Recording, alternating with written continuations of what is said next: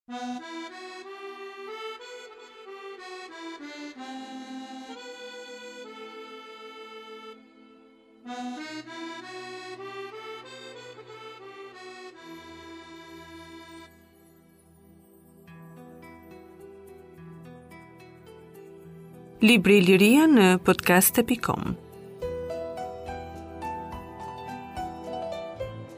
Vështrim mbi kulturën e periudhës së parë të epokës së shekullit 1 deri në shekullin 5.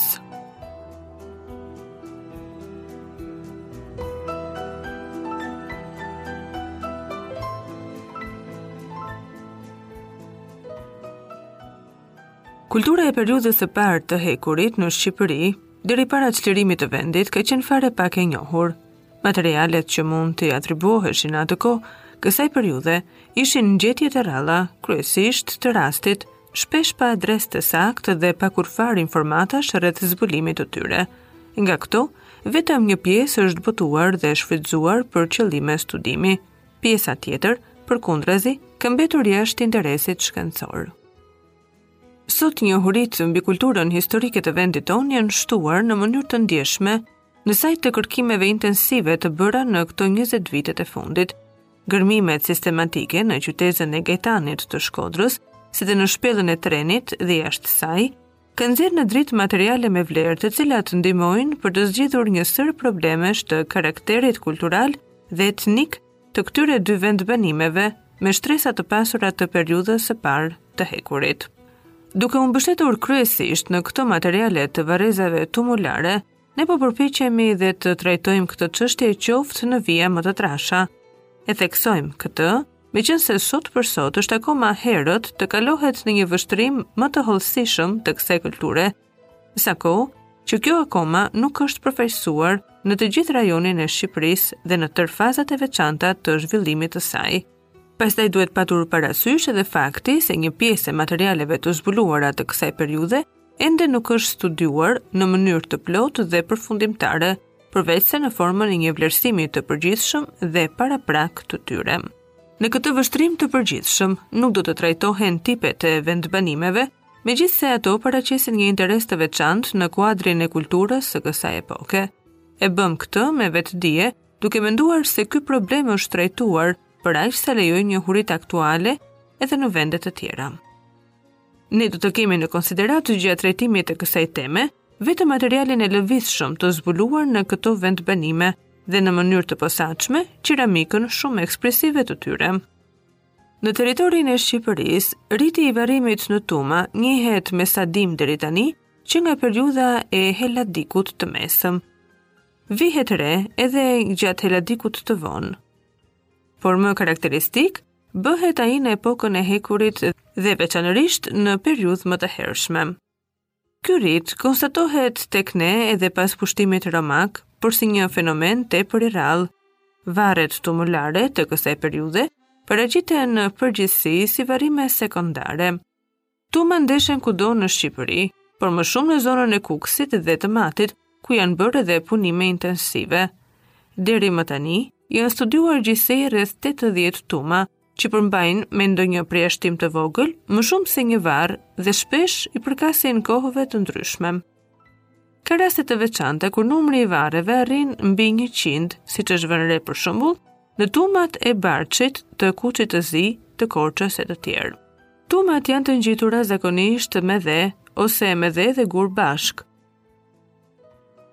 Ka raste kur materiali është shfrytëzuar për pjesët arkitektonike. Në varret tumulare të periudhës së parë të hekurit, mënyra e zakonshme e varrimit është ajo me vendosje kufome dhe në fazën më të hershme të saj, me pozicion kryesisht të kërrusur.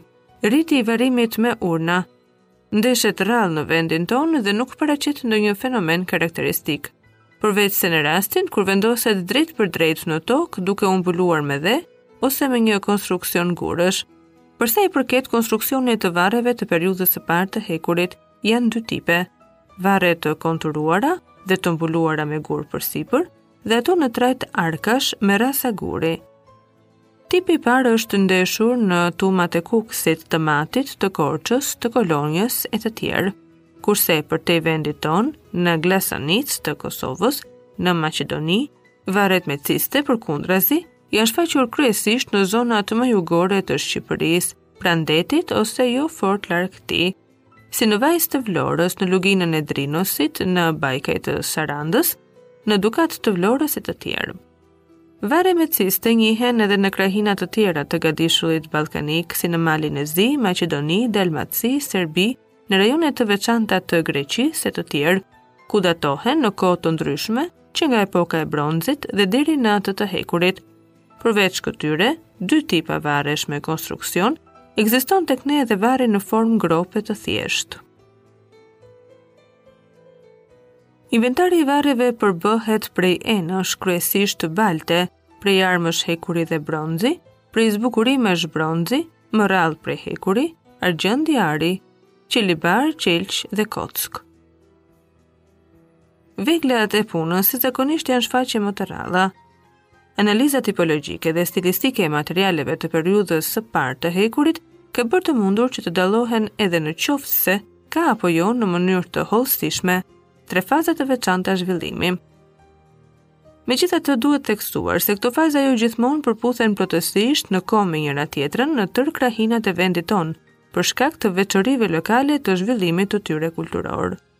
Kështu për shembull, në pellgun e Korçës, këto faza siç ka konstatuar dhe datuar drejt Andrea, rezultojnë mjaft mirë të diferencuara, kurse në luginën e Matit, ku vihet re edhe një farë konservatorizmi në zhvillimin e kulturës, këto faza jo vetëm se janë më të vështira për t'u dalluar, por edhe nuk korrespondojnë tërësisht në limitet kronologjike të fazave të grupit kulturor të Devollit.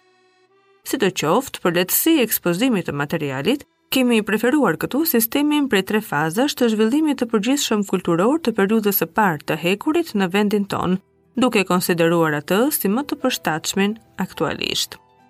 Faza e parë përfshin kohën nga fundi i shekullit 12 deri në shekullin 8 para erës sonë, që i korrespondon periudhës submikene, protogjeometrike dhe asaj të hershme gjeometrike të Greqisë. Një ndarje më e detajuar e periudhës është e pamundur në gjendjen e njohurive tona të sotme. Në gërmimin e objekteve me karakter praktik dhe dekorativ, një kategori të veçantë dhe karakteristike, përbëjnë gjilpërat e gjata prej bronzi, rrallë prej hekuri. Ato paraqiten në disa tipe. Më mirë është përfaqësuar gjilpëra me kokë konike dhe trup të zbukuruar në pjesën e sipërme të saj, me vija të dendura zigzag. Ky tip gjilpëre në Shqipëri shfaqet kryesisht në varret e periudhës protogjeometrike dhe gjeometrike, megjithëse vazhdon edhe më vonë.